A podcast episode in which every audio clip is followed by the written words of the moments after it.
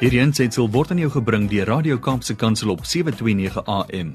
Besoek ons gerus by www.kapsekansel.co.za. Goeiedag en baie welkom by die program Markplek Ambassadeurs. Ek is Harm Engelbrecht van CBMC Suid-Afrika en CBMC is die Christen Sakemanne Komitees of die Christian Business Men's Committees en ons ehm um, is 'n bediening wat wêreldwyd daarop ehm um, ingestel is en daarop fokus om besigheidsmense by Christus uit te bring om hulle te bedien met die evangelie, hulle te help en te ontwikkel om disipelmakers te word en hulle dan ook te dien as volgelinge van Jesus Christus. In effek as ek kyk na ons ambassadeurs uh, program se naam, ehm um, Markplek Ambassadeurs, is ons eintlik besig om ambassadeurs in die markplek op te rig en voor te berei vir hulle werk daar buite elke dag soos wat ons geroep is. Die laaste paar weke het ek na 'n klompie beginsels gekyk, besigheidsbeginsels uit die Bybel uit. Ehm um, en ek het begin deur te gesels oor eienaarskap en rentmeesterskap, die doel van jou besigheid, die wins in jou besigheid, hoe jy mense in jou besigheid hanteer en uiteindelik het ek laas die vorige 2 weke 'n bietjie gesels oor eh, die aspek van evangelisasie en disippelskap in jou besigheid. En ek wil van vandag af so 2 of 3 weke tyd spandeer en spesifiek ehm um, gefokus op die op die tema ambassadeurskap. Wat beteken dit om Christus se ambassadeur te wees? Uh hoe lyk 'n ambassadeur vir Christus? En natuurlik alles uit die hand van die Bybel uit, want dit is waar ons ons riglyne kry en dit is waar volgens ons ons lewens inrig. So om mee te begin is die vraag natuurlik wat is 'n ambassadeur en en en waar kom die konsep vandaan of die begrip vandaan? En toe ek 'n paar jaar terug die eerste keer ehm um, uit ons CBC kantore in Amerika hierdie hierdie inligting ontvang en hierdie materiaal ontvang rondom ambassadeurskap en hierdie hele nuwe branding wil ek amper sê. Was dit half 'n bietjie van 'n vreemde gedagte vir baie mense, veral vir ons wat Afrikaans sprekend is, omdat die woord ambassadeur nie regtig in die Bybel in die 1983 vertaling voorkom nie, maar wel die woord verteenwoordiger en uh, die woord gesant word word gebruik in in die konteks van ambassadeur. Maar as jy gaan kyk na die Engelse vertalings van die Bybel, word feitelik elke vertaling word die die teks waarna ek nou nog gaan verwys, word die woord ambassador gebruik. En die vraag is wat is 'n ambassadeur? Wat is 'n ambassador for Christ? En en as 'n mens gaan kyk na in die politieke konteks, dan word 'n ambassadeur in 'n land geplaas wat sy land waarvandaan hy kom verteenwoordig in 'n vreemde land. So jy's basies 'n verteenwoordiger, 'n afgevaardigde van 'n vreemde land. En in daardie land waar jy dan nou woon, het jy sekere voordele. Jy jy ehm um, jy's basies die die die punt van van ehm um, van kontak vir mense tussen daai land en jou en jou noem dit maar jou jou tuisland. En vir ons as Christene op aarde, as daar vir ons gesê word ons is Christus se ambassadeurs hier op aarde, beteken dit basies dat ons Christus se koninkryk hier op aarde moet kom verteenwoordig. Want ons weet tog almal dat ons nie vir altyd hier bly nie en dat ons net tydelik op aarde is en eintlik maar net 'n voorbereiding is vir die vir die ewigheid waar ons eintlike burgerskap lê in die hemel. So om net die gedeelte te lees vir julle en ons het hom 'n paar keer al gelees um, in 2 Korintiërs 5 daarvan vers 17 tot 20 waar gepraat word um, van ambassadeurskap of die teks wat ons maar gewoonlik um, gebruik rondom dit wil ek gou vir jou lees in die 1983 vertaling en dan waar die woord gesant in vers 20 is gaan ek dit net vervang met die woord ambassadeur soos wat ons dit dan ook in die nuwe lewende vertaling raak lees.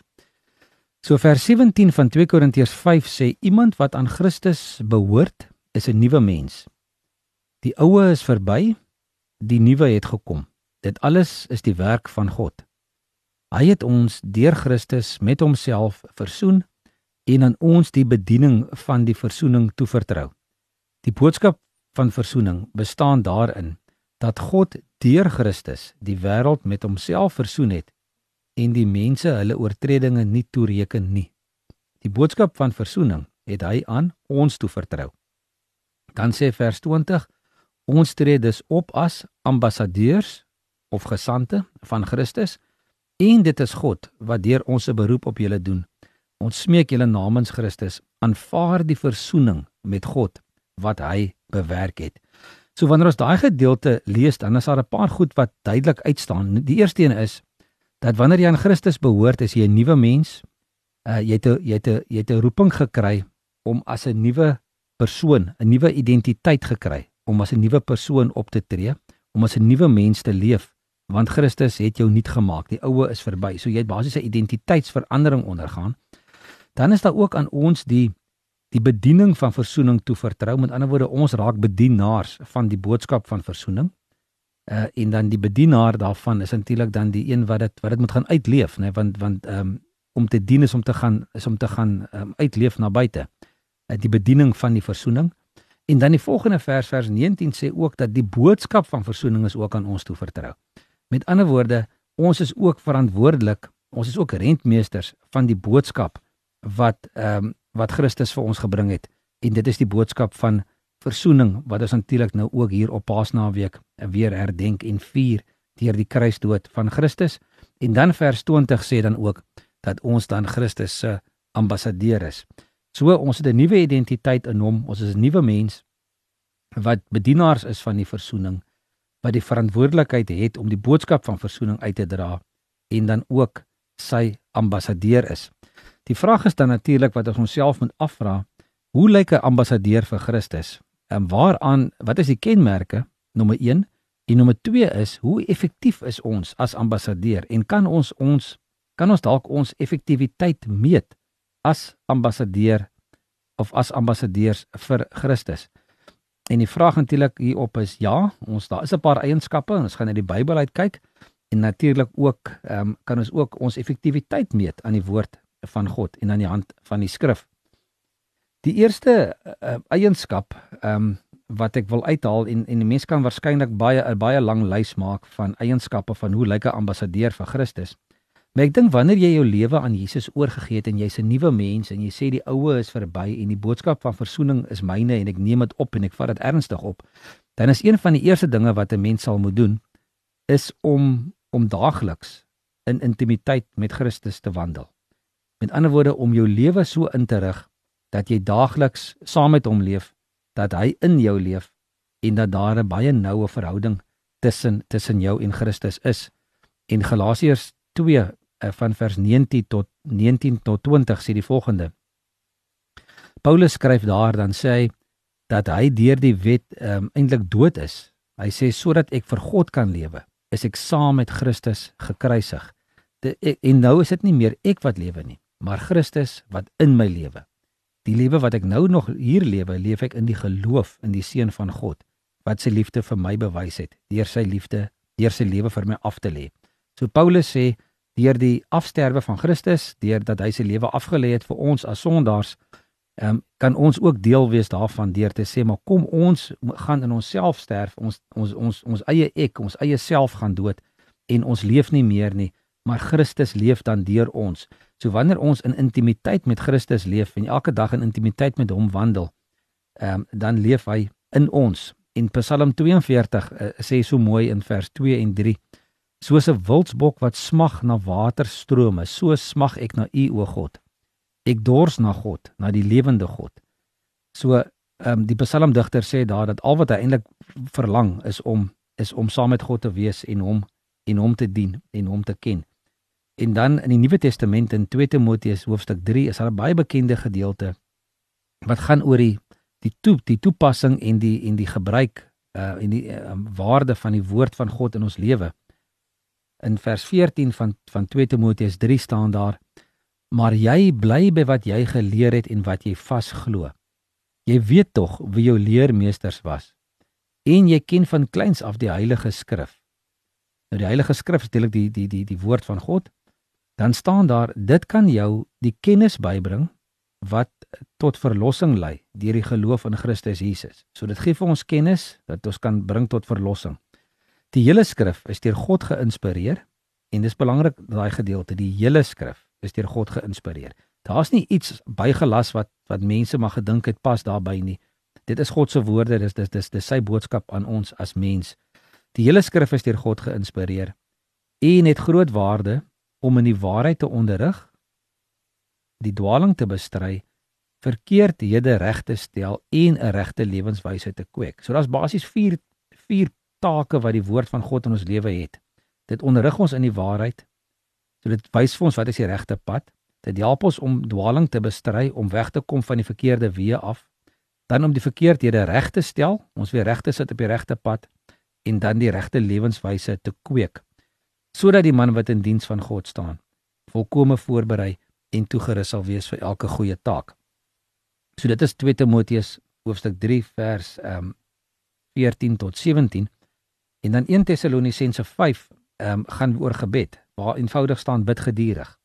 So een van die dinge wanneer ons in in, in 'n intieme verhouding met met Jesus leef elke dag is om in sy woord te wees, die woord te eet, die woord te bestudeer, die woord te lewe en dan natuurlik ook in gebed deur te bring, ook soos wat Jesus sy disippels geleer bid het daar in Matteus hoofstuk 6. Uh, maar dan in Johannes 15 is 'n is 'n baie belangrike gedeelte waar Jesus met sy disippels gepraat het oor die oor die loot en die wingerdstok.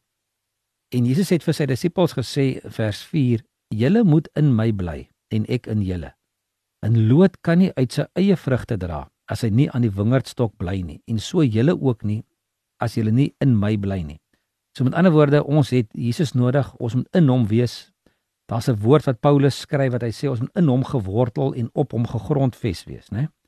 Dan sê Jesus verder: Ek is die wingerdstok, julle is die lote. Wie in my bly en ek in hom dra baie vrugte. Want sonder my kan julle niks doen nie. En dis belangrik dat ons dit sal onthou, dat sonder Jesus is ons niks. Ons kan niks doen sonder hom nie. Ons is van hom afhanklik en ons moet ons afhanklikheid ook van hom erken en verstaan, ook soos wat dit in die bergpredikasie staan waar Jesus gesê het: salig is die uh, of geseënd is die wat weet hoe afhanklik hulle van van hom is. En dan vers ehm um, 6 van van Johannes ehm um, 15 sê as iemand nie in my bly in my bly nie word hy weggegooi soos 'n loot en hy verdroog. Die mense maak dit bymekaar en gooi dit in die vuur en dit verbrand. So belangrik dat ons in Christus bly. Ek het in 'n boek van van Dutch Sheets die woorde gelees. Ehm um, die twee Engelse woorde obey and abide. En op die einde het hy gesê dis maar eintlik al waaroor dit gaan in jou verhouding met Christus. Jy moet hom gehoorsaam wees en jy moet in hom bly.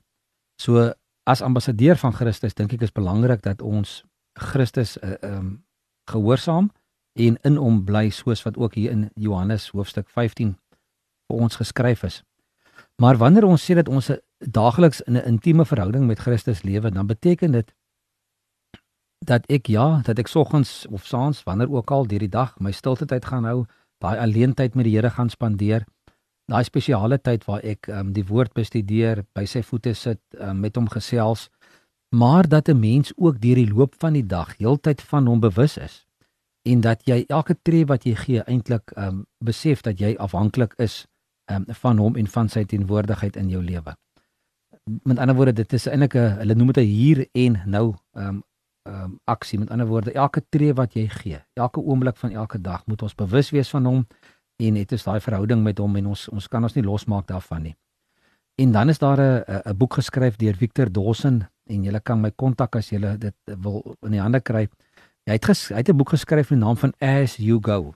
Wat beteken soos wat jy gaan elke dag, daar waar jy beweeg, uh, moet jy daai daai lieflike geur, ehm um, wat ons net ook van gaan lees in Hebreërs, met jy lieflike geur moet jy eintlik um, uitstraal en moet mense um, sien dat jy aan Christus behoort.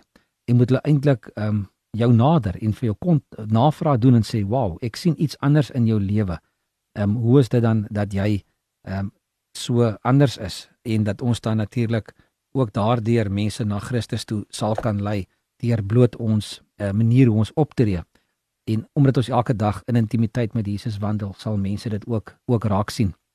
En natuurlik sal ons uh, soos die uitdrukking sê wat die hart van vol is, loop die mond van oor. So dan sal ons natuurlik ook as uit die hart van die saak praat daaroor en en vir mense daarvan vertel. Die tweede ehm um, eienskap waarby ek wil stil staan vandag uh, wat gaan oor ehm um, ambassadeurskap is ehm um, om ook met ander gelowiges, om met medegelowiges in in verantwoordbare verhoudings te leef. Nou die Engelse gebruik die woord accountable relationships. So ons het mekaar nodig ehm um, sodat ons mekaar kan opbou, mekaar kan help ehm um, en ook aan mekaar verantwoordbaar kan wees. Spreuke 27 vers 17 sê: Eyster slyp eyster en vriende vorm mekaar. So ons het mekaar nodig. Ehm um, twee ehm uh, um, Romeine hoofstuk 12 en 1 Korintiërs hoofstuk 12 en Efesiërs 4 kan jy gaan lees. En daar gaan jy lees van die liggaam van Christus en van elkeen wat 'n rol het om te speel, van en hoe ons mekaar kan opbou en mekaar kan help om te groei. En dit is so belangrik dat dat ons as Christene nie probeer op ons eie leef nie. Dat ons nie gaan probeer om in isolasie te leef nie, want isolasie is is gevaarlik. Ehm um, vat my net gou 'n voorbeeld van wanneer jy 'n braaivleisvuur maak en die en die en die stompe lê daar bo op mekaar en brand lekker en jy haal een stomp uit en sit hom 'n end weg neer op sy eie. Ehm um, dit gaan nie lank vat nie voordat daai stompie dood is en daar geen meer vlamme gaan wees nie en maar net basies daar gaan lê en rook en en en gaan stink. En en die en die konsep is eintlik wanneer jy as gelowige jouself onttrek aan die liggaam van Christus en nie deel is van die gemeenskap van gelowiges nie en nie toelaat dat ander jou help en aan die gang hou nie, dan is dit baie maklik van jouself een kant toe trek om dan natuurlik ook ehm um, koud te raak en en en afvallig te raak. En dis hoekom die woord ook sê dat ons mekaar nodig het.